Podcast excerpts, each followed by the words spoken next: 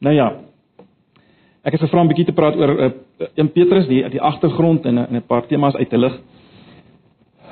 Nou om te begin, ek ek dink julle sal my saamstem, sekerlik een van die basiese vrae waarmee alle Christene worstel, is die vraag: Hoe moet ek leef? Hoe moet ons leef? Uh julle aantal jare gelede het die bekende Christen filosoof Francis Schaeffer het 'n boek geskryf, How should we then live? How should we then live? Nou uh, dit dit is die groot vraag, né? Nee. Hoe moet ons as Christene lewe in 'n land, in 'n kultuur, in 'n politieke bestel waar ons die minderheid is, waar ons die is wat as te ware eenkant gedruk is. Ehm um, die gemarginaliseerdes. So 'n mooi Afrikaanse woord. Die wat bietjie eenkant en uitgedruk is. Nou, een van die vroegste Christelike dokumente wat worstel met hierdie vraag is dan juis uh 1 Petrus, die boek 1 Petrus. En ek is oortuig dat hierdie boek vir ons iets te sê het in die jaar 2018, ons wat hier sit. Andersins sou ek nie die moeite gedoen het om vanmiddag met julle te praat nie. Hierdie boek het iets vir ons te sê. Nou uh Petrus se probleem, dit klink miskien snaaks ek sê Petrus se probleem of die probleem waarmee hy geworstel het, miskien moet ons sê probleem wat hy aanspreek, dis dalk beter om dit so te stel. Die probleem wat Petrus aanspreek is dit. In die lig van die situasie onder die Romeinse regering van Klein-Asië, hoe moet die Christene in sy dag lewe? Hoe moet die Christene in sy dag lewe? En as mens maar net oppervlakkig uh, 1 Petrus lees, dan kom jy klaar agter dit is dis die saak waaroor dit eintlik gaan. Dit dis eintlik al duidelik in die eerste vers as as Petrus sê Petrus 'n apostel van Jesus Christus aan die vreemdelinge van die verstrooiing in Pontus, Galasië, Kappadosie, Asië en Bitinië. Met ander woorde, Petrus se bedoeling is baie duidelik. Gelowiges in Klein-Asië moet eerbare en heilige lewens lei. Ehm um, hulle moet lyding verdra. Hulle moet binne die sosiale strukture leef en hulle moet respek betoon aan buitestaanders. Nou, as mens so daarna kyk, dan kan mens maklik tot die slotsom kom dat Petrus se antwoord op hierdie probleem van sy lesers is baie eenvoudig. Leef heilig, uh wees goeie burgers, neem deel aan die sosiale gemeenskap op jou manier, verdra lyding en moenie rimpelings veroorsaak nie. Uh dit lyk op die oppervlak of dit maar net alles wat Petrus eintlik wil sê. Nou die gevaar is dat ons baie vinnig kan kom tot die konklusie dat dit is nou maar eenvoudig ook al wat hy te sê het vir ons as moderne westerse Christene in ons verhouding met ons gemeenskap en die bestel waarin ons osself bevind. Net dit, leef heilig, wees goeie burgers, neem deel aan die sosiale gemeenskap op jou eie manier, verdra lyding en moenie rimpelings veroorsaak nie. Maar die vraag is is dit dit? Is dit so eenvoudig om net te sê dis dis die boodskap, dis dit? Want jy sien, daar's baie ander vrae wat beantwoord moet word. Wat beteken dit vir ons binne ons situasie om heilig te lewe byvoorbeeld? Ehm um, wat beteken verdra lyding? Hoe lyk dit? Wat is die lyding wat ons moet verdra? Wat beteken dit om nie rimpelings te veroorsaak nie en so mee? So dis dis net eenvoudig nie so eenvoudig nie en veral is dit nie so eenvoudig nie omrede uh Petrus se sosiale wêreld as jy wil verskil grootliks van ons. Daar's 'n geweldige verskil tussen Petrus se sosiale wêreld en ons sosiale wêreld. En ek wil hê ons moet vanmiddag bietjie daarna kyk. Maar eers voor ons gaan kyk na die uh sosiale wêreld, ehm um, wil ek 'n paar gedagtes wissel oor die oor die brief se agtergrond en die sosiale agtergrond. Nou Petrus skryf vir die wat verstrooi is deur Pontus, Galasië, Kappadosie en uh, Asië en Bitinië, né? Nee, dit dit uh, sal julle weet. Nou, dis die gebied wat die Romeinse provinsies van Noordwes Klein-Asië uitgemaak het. Dit is basies die moderne Turkye. Ek het daar vir julle 'n uh, prentjie gesit nou. Dis dis julle gaan nou nie lekker verstaan daar aangaan nie met die name so seer, maar een ding wat ons almal dan kan uitmaak is die is die voet van Italië, né? So aan die hand daarvan kan jy jou min of meer orienteer. Dis waar die gebiede gelê het. Dis nie dis nie 'n pragtige kaartjie nie, daar sekerlik beter is. maar uh die pile help mense daarom om min of meer as jy jouself oriënteer ten opsigte van van Rome en Italië, dan weet jy dan min of meer waar lê dit. Maar soos ek sê, dis dis eintlik maar die moderne Turkye. Dit is baie interessant. Dit is gebiede wat ehm um, ek ek het maar net daai op bygesit. Daai rooi lyn is die die Romeinse ryk uh tydens Petrus uh tydens die tyd wat Petrus skryf en leef. Dis waar die Romeinse ryk geloop het. Ehm um, as jy net so min of meer 'n idee kan kry. Maar goed. Uh baie interessant. Hierdie dele wat ons nou genoem het, wat Petrus noem aan die begin van sy briewe wie hy skryf, is gebiede wat nie deur nie deur Paulus besoek is nie. Uh ons lees daarvan in Handelinge 16 vers 6 en 7 en is, is baie uh, word baie eksplisiet so gestel die Heilige Gees het hulle verhinder om hierdie gebiede te besoek. Die Heilige Gees het hulle verhinder om hierdie gebiede te besoek. En uiteindelik ehm um, lei dit dan tot die evangelisering van Europa, né? Ehm um, julle sal weet met die werk wat in Filippi begin is in antwoord op uh die roepstem van Macedonië uh wat Paulus skryf in 'n nagvisioen en uiteindelik gaan gaan werk in Europa. Die vraag is met ander woorde, sou dis sou dit uh, hierdie gebiede wat nou genoem is, Pontus, Galasie, Kappadosie en Bithynië uh, uh sou dit die gebiede wees wat Petrus besoek het onder wie hy die evangelie verkondig het. Dit is baie interessant, hy praat ook van homself as 'n sendeling na die heidene en hy verwys daarna as iets wat aan die vroeë kerk bekend was. Uh, as jy byvoorbeeld nou in Handelinge 15 gaan lees in vers 7 en 8, dan uh, dan sê Petrus daar dat God het lankal reeds vir hom as Petrus verkies om die evangelie aan die heidene te bring uh sodat hulle tot verlossing kan kom. So dit is baie interessant Pet, Petrus sien homself uh ook as een wat spesifiek gekies is uh, om die evangelie aan die heidene te verkondig. En en en mense kan nou vra uh, mense kan spekuleer hieroor want ons het nie duidelikheid daaroor nie, maar die vraag is was dit moontlik was dit dalk moontlik die rede hoekom die Gees uh Paulus verhinder het om hier te gaan werk sodat Petrus of laat ek so sê, hy het hom hy het Paulus dalk verhinder om daar te werk omdat Petrus reeds daar gewerk het. Dit is dit is 'n vraag wat 'n mens vra. Ons ons weet nie, nee, die die die moontlikheid daarvan prikkel nog om mense se verbeelding. Wat ons wel weet is dat die die wyse waarop hierdie vyf gebiede genoem word, uh kon 'n natuurlike roete uitgemaak het. Dit kon 'n natuurlike roete uitgemaak het. Hoekom sê ek so wel 'n mens kon dis wat die ouens sê, jy kon by een van Pontus se hawens aandoen in die noordooste en dan kon jy die roete deur Galasië volg en dan afswaai meer na die binneland in Kappadosie en dan kon jy die roete verder wes na die provinsie Asië volg. Jy sal sien dis presies die volgorde waarna hy dit noem. En dan kon jy weer opswaai na uh, noordwes in Bithynië in om weer die reis per boot ehm um, voort te sit. So dit dit kon so 'n roete wees. Miskien moet ek net dit uh, uh, noem. As hier gepraat word van Galasië, dan is dit die die noordelike provinsie daarvan. Paulus se brief aan die Galasiërs byvoorbeeld, uh, is waarskynlik aan die suideliker etnies etniese geografiese gedeelte in Turkye gerig. Dit dis ook Galasië genoem. Ek noem dit net net so vir interessant.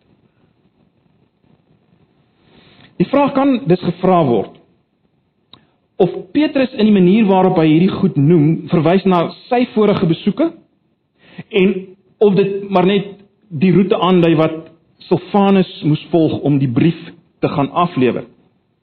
Uh net ietsie oor Silvanus. Ehm um, Petrus skryf baie duidelik in samewerking met Silvanus en ons sien dit in 1 Petrus 5 vers 12. Dit kan selfs wees, ek sal net nou weer daarna verwys dat Silvanus eintlik die hele brief in 'n sin oorgeskryf het of verwerk het Ehm um, en en ek sal net nou daarna uh, sê hoekom uh, hoekom hoekom ons so dink. Uh, Stefanus is natuurlik die Latynse vorm van die Griekse naam Silas, né? Nee? En julle sal weet die naam Silas is redelik bekend. Uh hy was al sedert Paulus se tweede sendingreis 'n uh, vernoot in die bediening. Hy baie saam deurgemaak, uh saam met Paulus deurgemaak. Hy was byvoorbeeld uh ook daar in Filippi in die tronk daai hele gedeelte in Handelinge 16. Uh hy was ook medeskrywer van Paulus in sy briewe aan die Tessalonisense en uh, hy het saam met Paulus en Timoteus gepreek in Korinte. Ons sien dit daar in 2 Korinte 1 vers 19. So dit dis dis Silvanus of dan Silas. As ons nou na die brief van Petrus kyk, uh, lei ons af dat Silas nie net van groot hulp was vir Paulus nie, maar ook vir Petrus. Baie interessante figure. Mense vergeet dikwels van so ou, nê, nee, want mense mense dink net aan die groot name Paulus en Petrus en die man. Interessant ook uh ek kan dit miskien ook maar net noem dat julle julle sal sien in in in uh die boek 1 Petrus dra Petrus ook sy groete oor aan Markus. Uh Johannes Markus om presies te wees, né? Nee. Uh daar in 1 Petrus 5 vers 13. Uh en is nou interessant uh as mens nou in Handelinge kyk dat ehm um, Johannes Markus het uiteindelik saam met Barnabas gegaan. Julle sal onthou Paulus en Barnabas het verskil oor wie hulle met saamneem. Uiteindelik het Markus saam met Barnabas gegaan. Ehm um, en Paulus het weer vir Silas saamgeneem. Wat ons nou net gepraat. So Markus was ehm uh, by beide Paulus en Petrus betrokke. En ek dink ons het daaroor gepraat toe ons Markus Evangelie gedoen het. Ek weet nie of julle kan onthou nie, maar uh, volgens oor, uh, oorlewering het Markus sy evangelie geskrywe aan die hand van soort 'n soort van memoirs van Petrus, né? Met ander woorde Petrus uh het as te ware die stof voorsien wat Markus uiteindelik neergeskryf het en wat ons het in die evangelie van Markus. En daarom is daar natuurlik ook 'n gewellige ooreenkomste tussen Markus se evangelie en dit wat ons kry in 1 Petrus. Byvoorbeeld die klem op die lyding van Jesus is iets wat uh, eie is aan Markus evangelie en ook weer in 1 Petrus. So is interessant om te sien hoe hoe, hoe die goed in mekaar skakel en persone in mekaar skakel. Kyk hier. Nee, is nie is nie water nie. As iemand dalk vir my kan water bring, een van die kinders sal dit gaan wees. Maar goed. Belangrik vir ons wie was die eerste lesers? Die eerste lesers. Nou Dis wel moontlik dat die aanhalinge uit die Ou Testament uh daar's redelik sulke aanhalinge byvoorbeeld in 1 vers 16 en vers 24 en Hoofstuk 2 vers 3, 6 vers 9 tot 10, vers 12 ensovoorts. Dis moontlik dat dat hierdie aanhalinge uit die Ou Testament en die gebruik van terme wat vir Israel gebruik is, byvoorbeeld die term uitverkorenes in 2 vers 9 en 10, uh, dit kon dui daarop dui dat die lesers voorheenlede was van Judaïsme of met ander woorde dat hulle van Joodse agtergrond uh, afkoms is. Die meeste geleerdes is egter dit eens vandag dat uh, dat die lesers meestal heidene was wat in kontak gekom het met die Joodse geloof of dan met Judaïsme veral deur plaaslike sinagoges. Die rede hoekom ons so sê kan veral gevind word in die feit dat ag dankie man.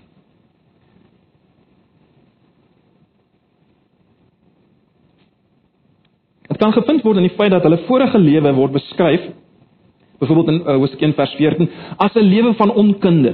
Nou jy sal nie jy jy, jy sou nie 'n Joodse lewe beskryf as 'n lewe van onkunde nie. Daar word ook gesê dat ehm um, uh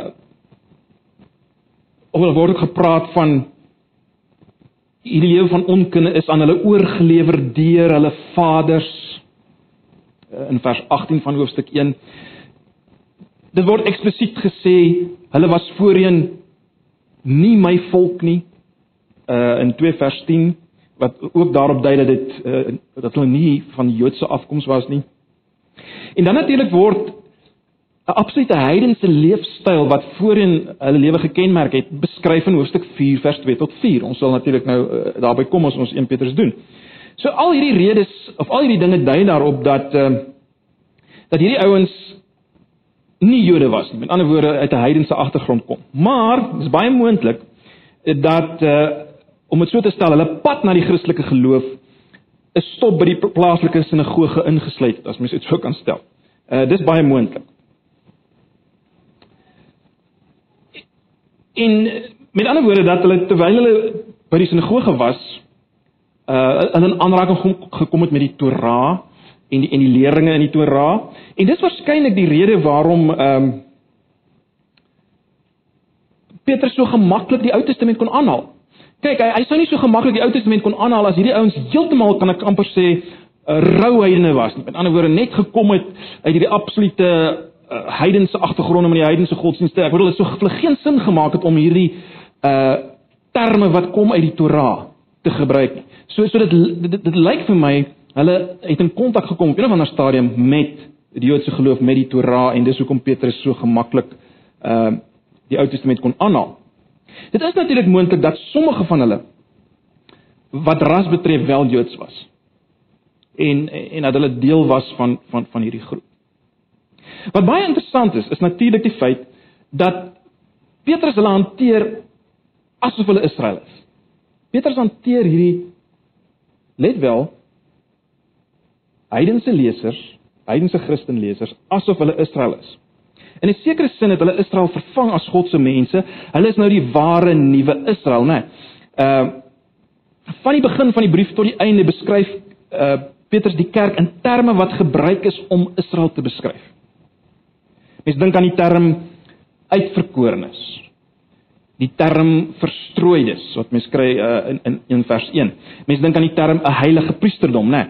Uh sekerlik hoofstuk 2 vers 9 tot 10 is is is sekerlik die duidelikste belangrikste vers om te sien hoe Paulus dit wat van Israel gesê word net so van toepassing maak op hierdie heidense Christene. As hy sê, "Maar julle is 'n uitverkore geslag, 'n koninklike priesterdom, 'n heilige volk, 'n volk as eiendom verkry om te verkondig die deugde van hom wat julle uit die duisternis geroep het tot sy wonderbare lig. Julle wat vroeër geen volk was nie, maar nou die volk van God is."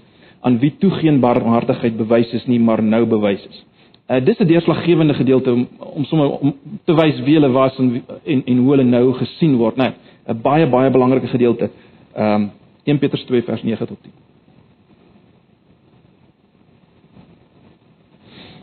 So, in die algemeen kan ons sê dat Petrus se eerste lesers het bestaan uit heidense bekeerlinge wat moontlik proseliete was van Judaïsme of ten minste sogenaamde godvreesendes was. Was 'n tipe van 'n Joodse proseliet so tussen die Jood Jode uh, tussen die heidendom en en tussen die Joodse geloof. Maar baie belangrik is twee ander terme wat gebruik word vir uh Petrus se eerste lesers. En dit is die term vreemdeling en bywoners, die Grieks parepidemos en paroikos, dis nie so belangrik om die Griekse term te te, te, te ken nie of te kan uitspreek nie. Uh maar dis hoe Petrus hulle aanspreek. Nou in die brief is daar ook aanduiding dat die lesers sommige van hulle was vry mense, ons sien in Hoofstuk 2 vers 16.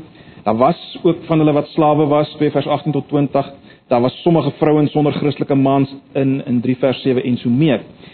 Maar hierdie terme, die die terme vreemdelinge en bywoners uh is waarskynlik die mees onthullendste wat betref hulle status. Dit sê vir ons die meeste van hulle status. So kom ons kyk 'n bietjie na hierdie hierdie terme.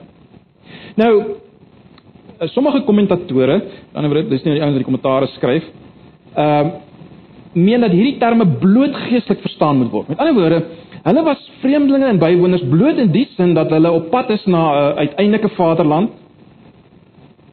die lewe hierna of die hemel. Uh en daarom is hulle vreemdelinge en bywoners. Paroikos en parepidemos. Nou dis natuurlik 'n gedagte wat ook in die boek Hebreërs voorkom. Julle sal onthou uh die feit dat ons is eintlike burgers van 'n ander land en dis waarna ons op pad is. Ek sal DV môre as ons uh begin kyk na die brief van die, die prediking sal ek meer meer hieroor praat. Maar ek, moet tog noem dat al meer en meer ouens Uh sê ook dat ons nie te gou hierdie terme moet vergeestelik of net metafories moet sien asof dit net verwys na 'n geestelike toestand. Hierdie terme in die Grieks verwys verseker ook na 'n werklike sosiale status. In ander woorde dit verwys na mense wat nie burgers is in 'n sekere plek nie, uh of iemand wat bly in 'n plek sonder dat hy regte daar het. Dit kan ook verwys na 'n tydelike inwoner Uh natuurlik in in Israel se geskiedenis was Israel baie keer in hierdie posisie gewees. Ek sal ook uh as die Here wil môre meer daarna verwys. Dit word deur God se toedoen. Ek dink dink wat belangrik is ehm um, is dat in die Romeinse ryk in die Romeinse ryk self is hierdie terme gebruik vir 'n baie spesifieke groep mense op die sosiale leer as ek dit so kan stel. Mense wat as te ware onder die gewone burgers was, maar net so bietjie bo uh buitelanders en slawe. So dit was 'n baie spesifieke groep ouens waarna die ouens in die Romeinse ryk verwys het as paroikos en parepidemos. Iemand stel dit so, ek haal dit in Engels aan. Hy sê legally such aliens were restricted in regard to whom they could marry, the holdings of land and succession of pro uh, property, voting and participation in certain associations, and were subjected to higher taxes and severe forms of civil punishment. Set apart from their host society by their lack of local roots, their ethnic origin, language, culture, and political or religious loyalties, such, uh, such strangers were commonly viewed as threats to established order and native well-being.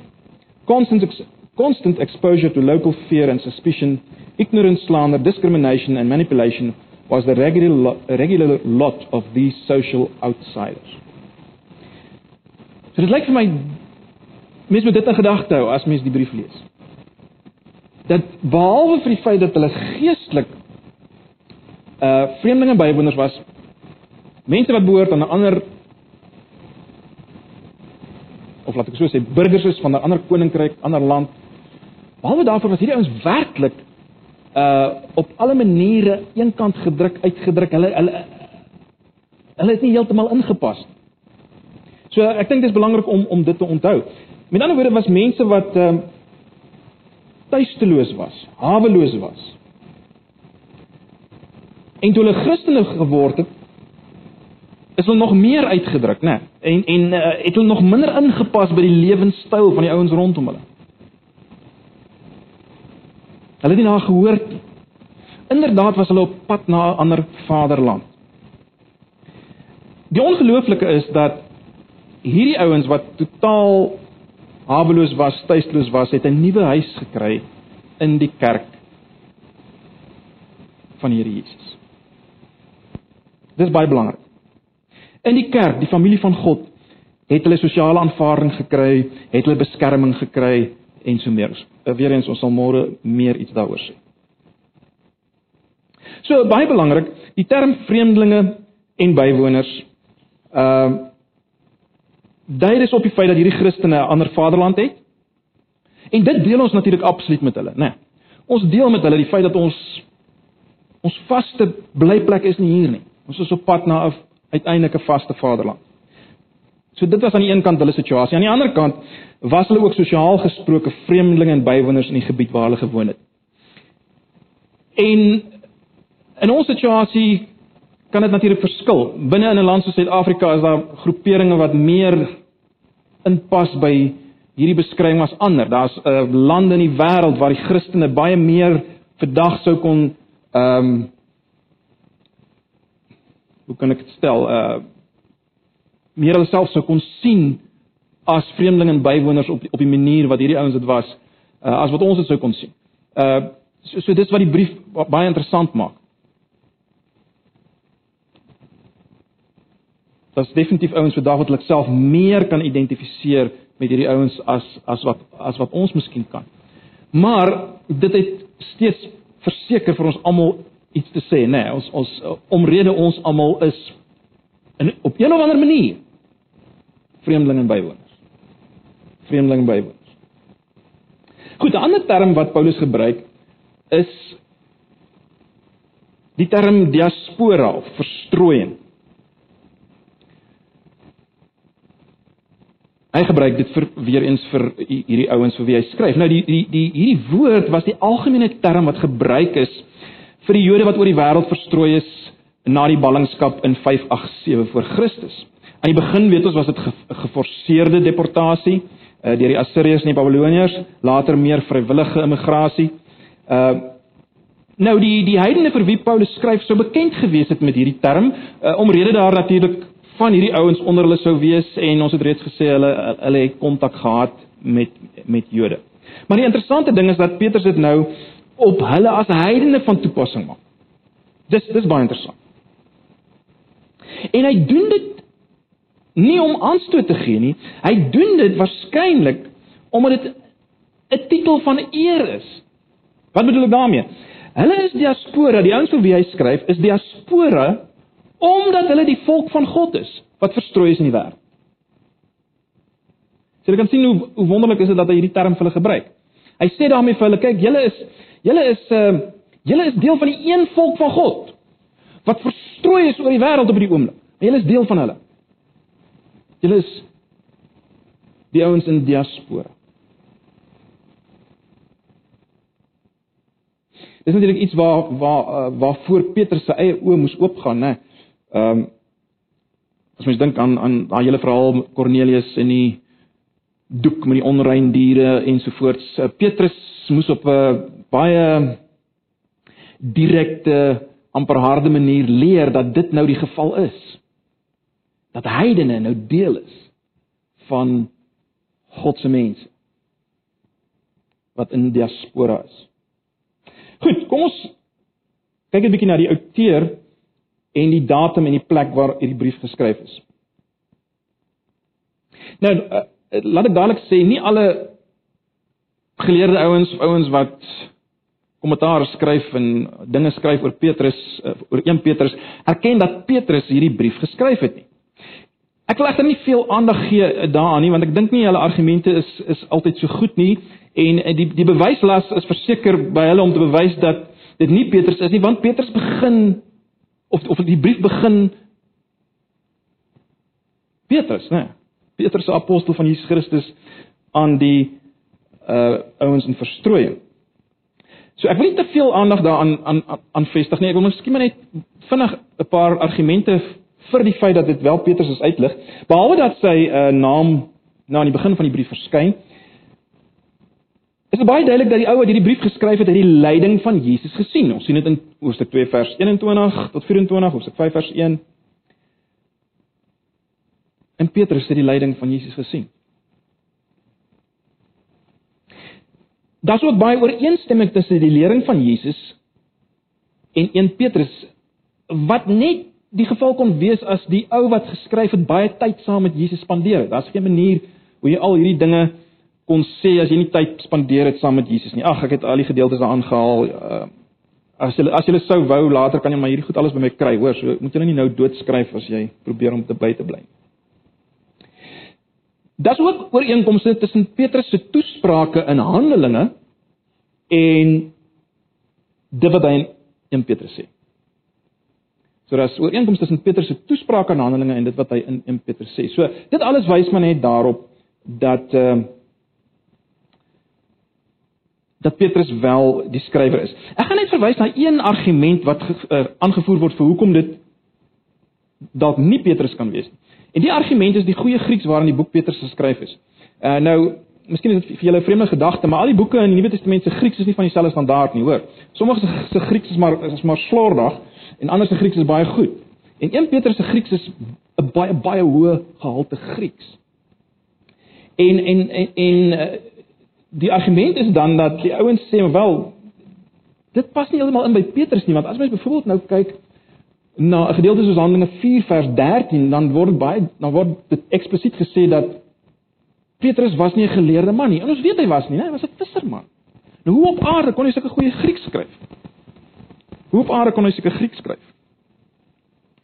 Wel, mens sou kon antwoord wel uh net soos in Handelinge 4 vers 13 die ouens verstom was dat hierdie ou ouens wat eintlik geen geleerdheid gehad het, nie soveel vrymoedigheid gehad het, net so kan mens sê wel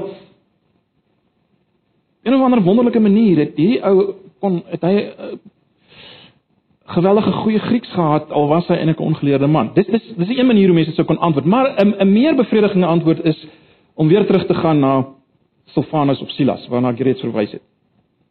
Uh dit is heel waarskynlik dat uh Silvanus of dan Silas uh Petrus gehelp het met die Grieks of dit selfs selfs totaal en al die brief geskryf het natuurlik uh amper uh, Petrus het waarskynlik gekwoteer en hy het dit geskryf. Ehm um, julle sal weet Paulus maak ook gebruik by tye van van, 'n ou wat vir hom geskryf het, né? Nee, hy hy baie gedeeltes nie met sy eie hand geskryf nie. Die meeste eintlik het hy nie met sy eie hand geskryf. So dit kan wees dat Silas en en met ander woorde in die proses het Silas die Grieks reggemaak.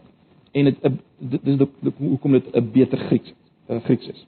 Maar goed, die die punt is maar net ek dink ons kan met redelike sekerheid sê dis wel Petrus se werk. Petrus die disipel van Jesus.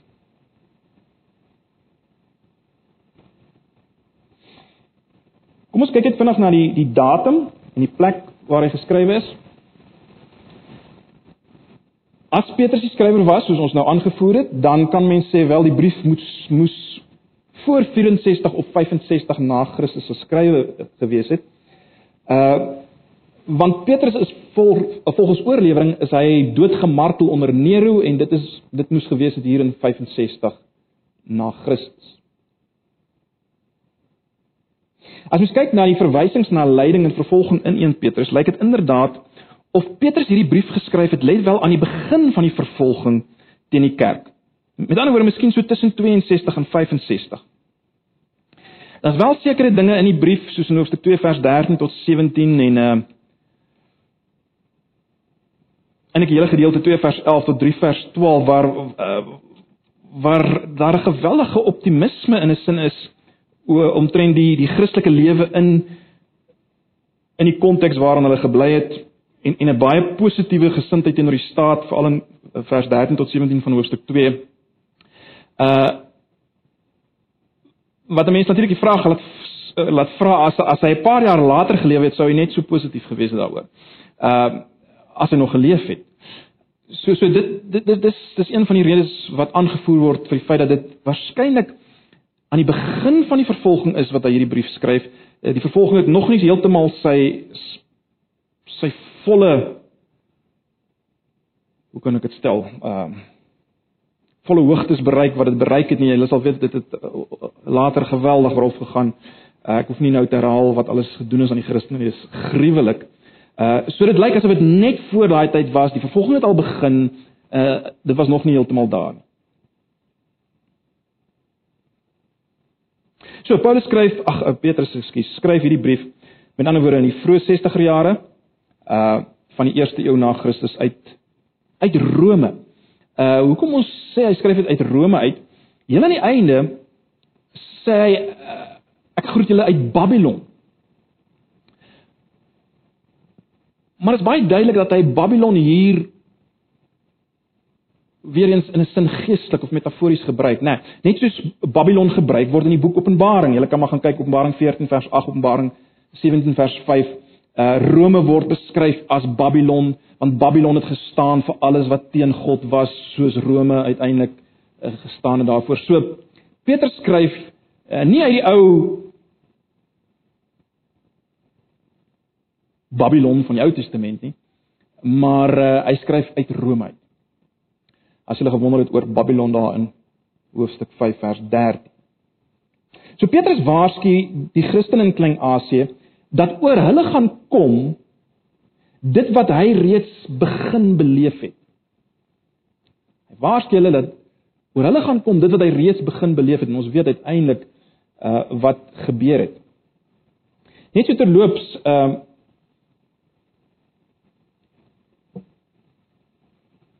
as mens kyk na hoe die Romeine die Christene gesien het, is dit nogal ehm um, geweldig. Daar was baie aanklagte teen die Christene. In in die eerste plek is die Christene gesien as antisosiaal. Waarskynlik bloot omdat hulle nie wou deelneem aan al die orgies en goed van die van die Romeine nie. So is gesien as antisosiaal. Dan was daar die aanklag dat hulle ateëste is. Nou in ons konteks dat ateïste natuurlik nou 'n ander betekenis, maar die rede hoekom hulle gesien is gesien is as ateïste binne die Romeinse ryk is omrede hulle uh die ander gode verwerp het. Julle sal weet die, die Romeine het geweldige klomp gode aangang en die Christene het nie met daarmee saamgegaan nie, so die Christene is gesien as ateïste. Dan is die Christene ook gesien as kannibale. Die die die die, woord versprei dat luister daai ouens is kannibale. Hoekom? Want hulle het gesê hulle eet en hulle drink die bloed van Jesus Christus. Hulle eet die liggaam van Christus en drink die bloed van Christus. So die aanklag was hulle is kannibale. En dan was die aanklag dat hierdie ouens bloedskande pleeg want hulle praat van ek het jou lief my broer en hulle uh, praat van 'n broederlike kus en ek het jou lief my suster en so meer. Uh, al hierdie terme wat gebruik is, die aanklag was hulle pleeg bloedskande. Nou as mens dit in gedagte hou alles dan verstaan mens hoekom hulle so maklik uiteindelik as die uh hoe kan ek dit stel? Ehm uh, as die sondebokke en alles uitgewys is, nê, nee, alles wat verkeerd geloop het, geloop het is voor die Christene se se deur gegooi. Uh uiteindelik veral met die met die met die brand in Rome uh wat eintlik waarskynlik doel doelbewus deur Nero begin is. Uh ouens reken Nero wou wou ontslaa raak van al die ou geboue sodat hy 'n nuwe gebou kon oprig ter ere van hom. Maar goed, iemand moes die skuld kry. En die groep wat die maklikste die skuld kon kry was die Christene as gevolg van al hierdie goed wat ek nou reeds gesê het, né? Nee, ek bedoel dit is net logies, dis hulle.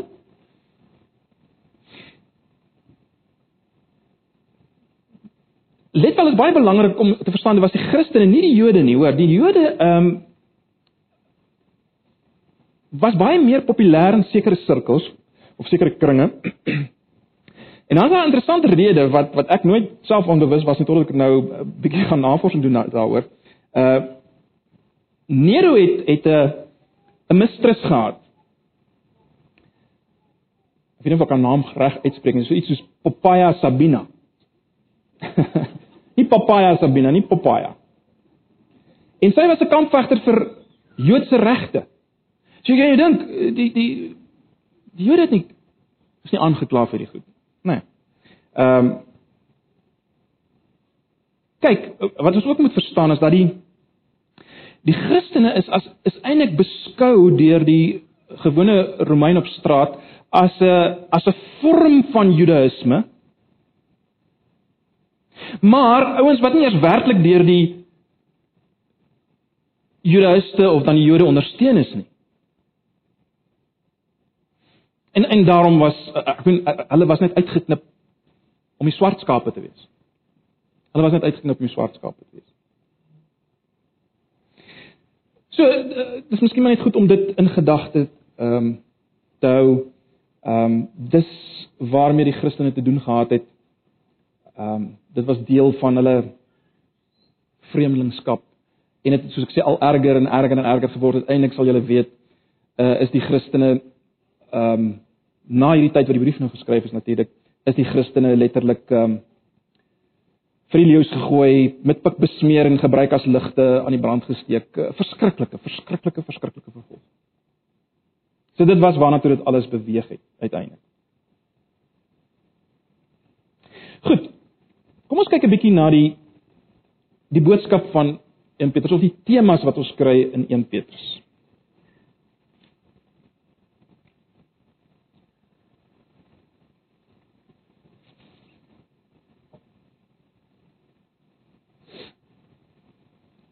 Nou, uh weer eens mens kan ehm uh, mens kan verskillende temas ehm um, ekskuus teruggaan. Ehm um,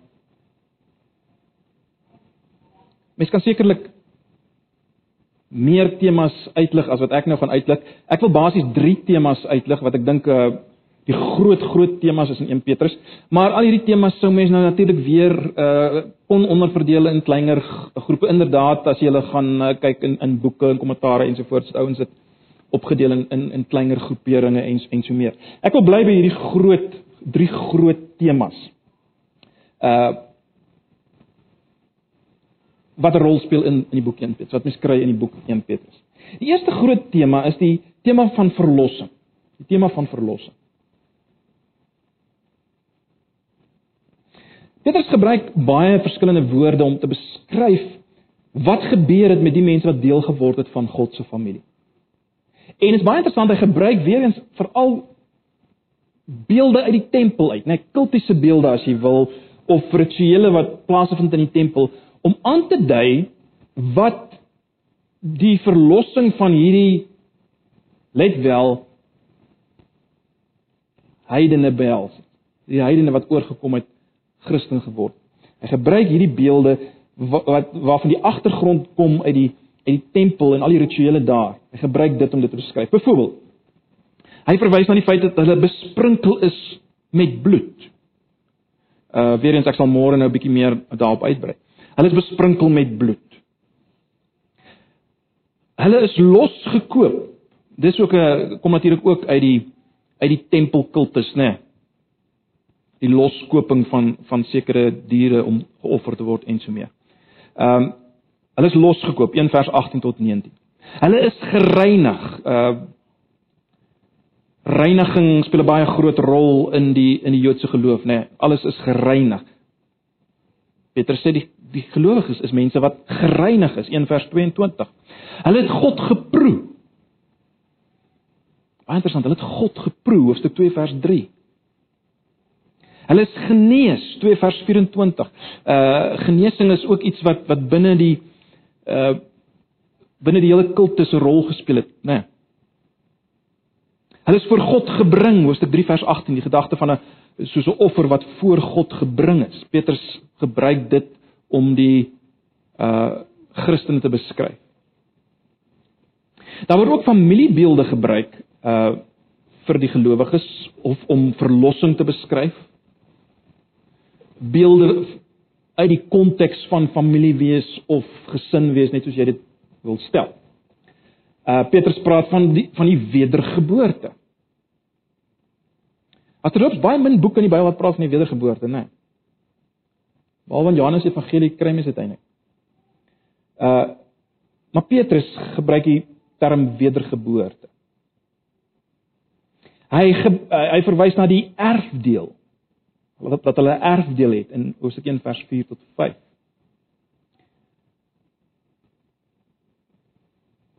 Hy verwys na seëninge. Uh nou vir ons maak dit miskien nie soos ons koppel dalk nie seëninge aan familie nie, maar jy sal weet uh veral van die Ou Testament se agtergrond uh seëninge het plaasgevind in 'n familiekonteks. 'n Pa het sy seuns geseën en nou gebruik Petrus daai term uh om te sê dis wat julle is geseën. Die term wat natuurlik die meeste gebruik word vir verlossing is ehm uh, of ge, gebruik is vir die Christene is die term verlossing self en dit die term genade. Dit word op verskillende plekke gebruik. Verlossing in hoofstuk 1 vers 5, vers 9, vers 10, hoofstuk 2 vers 2, 3 vers 20 tot 21, 4 vers 18. Genade in hoofstuk 1 vers 10, vers 13, hoofstuk 3 vers 7, 5 vers 5, vers 10 en vers 12. Uh op verskillende plekke. Weerens as jy al hierdie tekste in so wil nagaan wat wat ek nou gebruik het uh, vandag of na verwys het, uh, julle is welkom om vir my te vra, dan kan ek vir julle dit beskikbaar stel. As ek nou al die tekste elke keer gaan aanhaal of gaan lees, gaan ons uh, verskriklik lank besig wees. Baie belangrik dink ek as mens kyk na hierdie nog steeds na die tema van verlossing is die verstaan van verlossing was die fondasie vir die etiese vermaninge om getrou te wees in die lig van vervolging. Sê dit weer, die verstaan van verlossing was die fondasie vir die etiese vermaning om getrou te wees in die lig van vervolging. Nou hierdie twee temas verlossing en vervolging is is is ingeweef in die hele brief en mense kry dit al reeds in die inleiding van die brief. Uh as Petrus God prys aan die een kant vir hulle verlossing en toekomstige hoop en aan die ander kant verheug hy hom in hulle heilige lyding want hy weet wat dit vir hulle doen die die loutering en die, die suiwering daardeur. Uh hierdie hierdie lyding, die samevoeging van lyding en verlossing uh word ook gekry in Hoofstuk 2 vers 18 tot 25. Petrus vermaan slawe daar om nie te rebelleer teen hulle baas nie. Want Jesus sê hy het op dieselfde manier gelei en hy het God vertrou. Petrus beskryf dikwels Jesus as die groot voorbeeld, maar maar let wel, uh nooit bloot net as 'n voorbeeld nie. Hy beweeg altyd na Jesus se verlossende werk. Hy beweeg altyd na Jesus se verlossende werk, byvoorbeeld in hoofstuk 2 vers 24 en 25. Ehm um, en ook in hoofstuk 3 vers 18 tot 22. In Petrus se heel laaste gebed sien mens ook hoe hierdie hoe hierdie etiese vermaaning gewortel is in God se verlossing, né? Nee, as hy sê en mag die God van alle genade self wat ons geroep het tot sy ewige heerlikheid in Christus Jesus, nadat ons 'n kort tydjie gelei het, julle volmaak bevestig, versterk en grondves. Maar goed, dis die een groot tema. Uh verlossing. 'n Volgende tema is die kerk. Nou ek het nou reeds daarna verwys, uh, net so terloops, Petrus gebruik nooit die term kerk nie. Nee, hy gebruik nooit die term kerk. Maar baie duidelik die kerk vervang Israel, né? Nee. Hulle is die nuwe ware mense van God. Hy beskryf hulle as die uitverkorenes in hoofstuk uh, in hoofstuk 1 vers 1, in hoofstuk 2 vers 2 word hulle genoem 'n uh, lewende stene. Gedagtes die, die tempelgedagte, né? Hulle word genoem 'n geestelike huis in hoofstuk 2 vers 5. Hulle word genoem 'n heilige priesterdom in hoofstuk 2 vers 5. Ons het reeds verwys na hoofstuk 2 vers 9 tot 10 waar eh, dit alles wat gesê is daarin Eksodus 19 vir die oor die volk word net so toegepas op op die kerk. Op die kerk. Soos die kerk natuurlik dan nou vergestalting vind in hierdie gemeentes. Behalwe hiervoor is dit baie 'n dominerende beeld van die kerk wat mens kry in 1 Petrus is die familie van God. Dit is dit is, is dalk selfs nog sterker as die gedagte dat hulle Israel vervang het die familie van God. Die verwysing na die kerk as geestelike huis in 2 vers 5. Of direk as die familie van God in hoofstuk 4 vers 17. Net soos in baie van die ander Nuwe Testamentiese briewe is baie van die spesifieke voorskrifte uh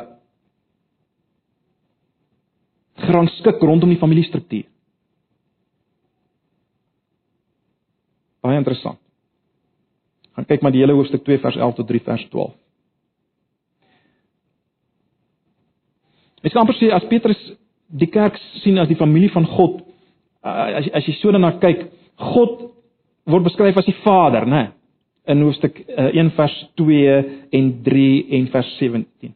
God is die Vader wat geboorte skenk in aanhalingstekens vanuit hom kom die geboorte 1 vers 3 aan nuwe kinders van God, die beeldkinders van God 1 vers 14 2 vers 2 en hulle vorm weer 'n broederskap 2 vers 17 5 vers 9 wat broederliefde bewys 1 vers 22 3 vers 8. Eh, jy, sien hierdie hierdie familie gedagte. Die familie gedagte van uh, die kerk. Nou geestelik en sielkundig was dit geweldig belangrik geweest vir hierdie ouens. Dink nou weer aan aan aan aan aan hierdie hawelose, letterlik hawelose, tuistelose mense. Ehm um, hulle het 'n plek gekry wat hulle huis kon noem. Hulle het 'n plek gekry wat hulle huis kon noem, die kerk. Daar's nie veel van enige kerkorganisasie nie. Uh in in Petrus nie wat wel duidelik is is dat die kerk is gelei deur apostels wat dan weer voorskrifte gegee het aan ouderlinge. Ons sien dit in Hoofstuk 5 vers 1 tot 4. En hulle moes die kerk uh, in liefde lei. Dis die groot uh deurslaggewende ding in 1 Petrus. Waarskynlik is die nagmaal gevier. Dit word nêrens eksplisiet genoem nie. Uh daar's wel verwysing na die doop, né, in hoofstuk 3 vers 21. So dis die tweede groot tema, uh, is die kerk. En dan die laaste tema is die Christelike lewe. Ekskuus, ek moet so 'n bietjie afgesny daar want die um, formaat van hierdie PowerPoint is bietjie anders. Die Christelike lewe, die Christelike lewe vloei voort uit die nuwe geboorte, dis baie duidelik. Om die waarheid te sê, dis 'n ononderhandelbare manifestasie van verlossing. So al die vermaanings van Petrus is gewortel in hierdie belewing van nuwe geboorte. Uh, dis hoekom hy vir hulle sê, doen dit, doen. Dis gewortel in hierdie nuwe geboorte, né? Nee. Met ander woorde, dis hoekom hy nadat hy gepraat het oor verlossing en die voorregte daarvan in hoofstuk 1 vers 3 tot 12, dis waar hy praat daarvan. Ons gaan daarna kyk. Hy praat oor die verlossing en al die voorregte. Na dit kom hy en dan vermaan hy sy lesers om, byvoorbeeld, hoop te beoefen in hoofstuk 1 vers 13 om heiligheid na te jaag in 1 vers 14 tot 15. Om God te vrees 1 vers 17 tot 21. Hy roep hulle op tot liefde in 1 vers 22 tot 24. En en en hy hy hy, hy maak 'n oproep tot groei in hoofstuk 2 vers 1 tot 8. Die die woordjie daarom of therefore wat julle nou baie duidelik sal sien ook as julle nou die toeketing nie goed gaan doen is is baie belangrik. As gevolg van hierdie verlossing jaag hierdie dinge na. As gevolg van hierdie verlossing jaag seker dinge na. Jy sien vir Petrus is daar nie sprake van etiek sonder die begronding daarvan in verlossing nie. Dis nie 'n kwessie van jy moet nou net begin reg lewe en doen die regte dinge en wees mooi en, en tree mooi op nie. Nee, dis omdat dit gebeur het, doen dit? Nee, en ons weet dis dit's maar oral in die Nuwe Testament, maar veral ook baie sterk by Petrus. Dis twee kante van dieselfde muntstuk. Jy kan nie die een sonder die ander nie. Maar weer eens ook wat dit betref is die sosiale konteks uh baie belangrik hier. Uh die sosiale konteks van 1 Petrus. Ons het nou reeds mekaar gesê hulle is sosiaal eenkant gedruk, ge, uh, hulle is sosiaal eenkant gedruk en nou het hulle hierdie nuwe huis gevind in die familie van God.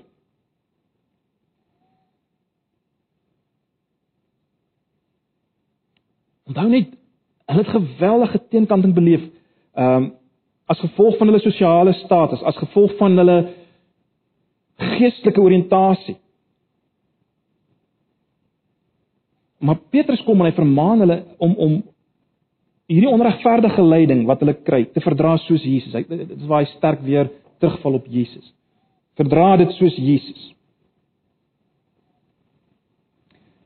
Mens moet net hier hier sê baie van hierdie goeters wat hy hier noem, ehm um, die onregverdige lyding wat hulle moet verdra en so meer.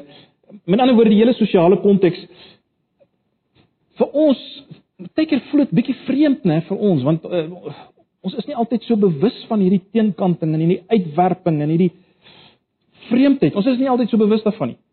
So uh, as jy dit so beleef, wel dit is 'n dis 'n algemene verskynsel onder Christen dat 1 Petrus tydjie 'n bietjie 'n bietjie snaaks sit as te ware, né? Nee. Terwyl daar is natuurlik sekere groepe vir vandag in die wêreld wat absoluut kan identifiseer met hierdie lyding en hierdie teenkante. Ehm uh, julle sal weet daar's Christene op die oomblik wat meer ly as in enige tyd in geskiedenis.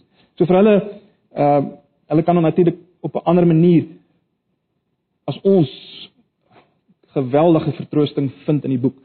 Wat nie beteken weer eens dat dit nie vir ons iets te sê het nie, want uh, ons lyding lê met baie keer baie keer op op ander vlakke, né?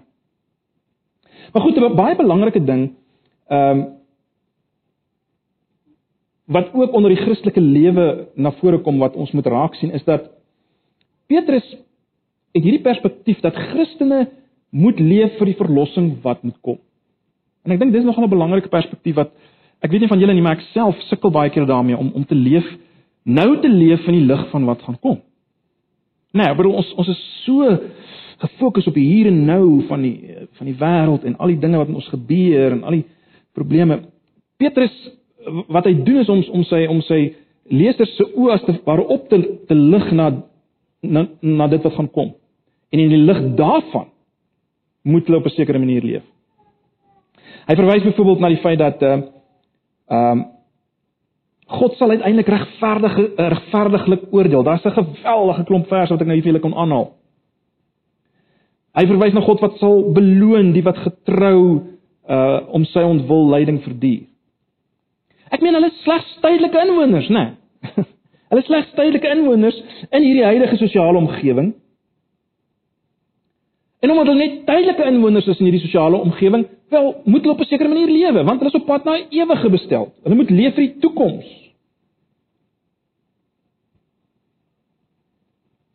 En dan word soos hulle geloof najag en hoop najag en vreugde, moet hulle altyd bewus wees van van waarna hulle op pad is en dat God op pad is met hulle erns heen en God sal hulle beskerm want God is op pad met hulle erns heen. Net daai gedagte. En natuurlik midde van dit alles, ehm uh, en dit dit is geweldig belangrik vir die verstaan van Christelike lewe in 1 Petrus en natuurlik ook vir ons is die feit dat hulle behoort nou hulle behoort nou aan die familie van God. Onthou ons nou gesê hulle is hulle is sosiaal uitgedruk, hulle is eenkant, hulle het baie regte nie gehad nie ensovoorts, maar hulle het die kerk gehad. Hulle was deel van hierdie Hierdie nuwe sosiale groep, dit was nou hulle primêre sosiale groep waarna hulle behoort het. Die kerk, die familie van God. Dis waar hulle mekaar moet lief hê. Dis waar hulle nederig moet wees. Dis waar hulle aan mekaar moet onderwerp. Dis waar hulle mekaar moet dien. Weerens uh ek ek kon nou al die verse en gedeeltes vir, vir julle aangehaal het. Uh maar dis dis alles daar, né? Nee. Binne hierdie familie van God, die kerk kom hierdie oproep tot lewe. Uh hulle moet sensitief wees in hulle kommunikasie met mekaar. Hoofstuk 2 vers 1 en 4 vers 7 tot 11. baie belangrik is die die die kwessie van heiligheid en reinheid want God is so, né? Nee. Ehm um, hulle moet God gehoorsaam wees en heilig wees want God is heilig en so meer. En dan ook eh, belangrik, hulle lewens moes as te ware 'n demonstrasie wees van die realiteit van God se verlossing. So so hulle lewens moes 'n getuie wees, maar ook is uh, sal julle sien dat verbale getuienis moet dit onderstreep, né? Nee. Ehm uh, ons dink aan 1 vers 12, vers 25, weer eens 2 vers 9. Ehm um, geroep om te verkondig die deugde van hom wat julle gered het van die duisternis na die lig. Ehm um, 3 vers 5 en 4 vers 6. So beide lewenstyl moes uh die evangelie duidelik maak, maar ook moes hulle altyd rekenskap kan gee, né? Moes hulle profeties optree en so mee. So mense ten diepste is Petrus se brief eh, se brief 'n vermaaning tot heilige volharding, inleiding. Hoekom? Omrede hulle reeds die verlossing van God beleef het aan die een kant en aan die ander kant omdat hulle op pad is na die ewige bestel. So dis die twee goed. Hulle lewe tussen hierdie twee pole. Motivering kom van hierdie kant af, motivering kom van daai kant af. En dis hoekom hulle moet lewe op 'n sekere manier. Dis hoekom ons moet lewe op 'n sekere manier. Dis verlossing wat plaasgevind het. Dit waarna ons op pad is en hier in die middel moet ons lewe in die lig daarvan.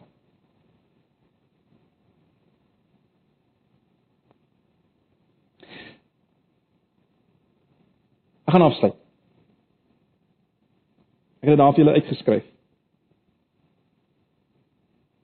Die issue wat die Christen in Klein-Asië in die gesig gestaar het, was eenvoudig dit, né? Nee. Hoe behoort ons te lewe in hierdie konteks van sosiale uitwerking en vervolging? Moet ons ontvlug na 'n meer beskermende lewe of wêreld? Moet ons onttrek uit die wêreld? Moet ons die gemeenskap afmaak? Hoe moet ons lewe? Hoe moet ons lewe? En Petrus se brief begin 'n venster vir ons oopmaak oor uh, in hierdie situasie. En dit gooi ook lig op ons wêreld, nee, dit daag ons ook uit. Dis wat waarmee ons moet besig wees. Ons moet begin worstel met die, met hierdie vraag. Uh hoe moet ons leef? Ons moet as ek dit so stel, worstel met die vraag in die lig van 1 Petrus en ons situasie. Lig van 1 Petrus en ons situasie. Hoe moet ons leef as Christen? En omdat dit so is, is dit vir ons baie nodig, is dit vir ons absoluut nodig om in die eerste plek eh, die teks deeglik te verstaan. Eh, wat het Petrus regtig gesê vir sy mense? Wat staan regtig daar? Wat wat het, wat is regtig gesê vir hierdie Christene? En dan moet ons probeer om oor die brug te loop na ons toe. Ons wat in 'n ander konteks leef en nou moet ons daai beginsels toepas. En dis 'n uitdaging, hoor, dis nie so eenvoudig soos ons baie keer dink nie.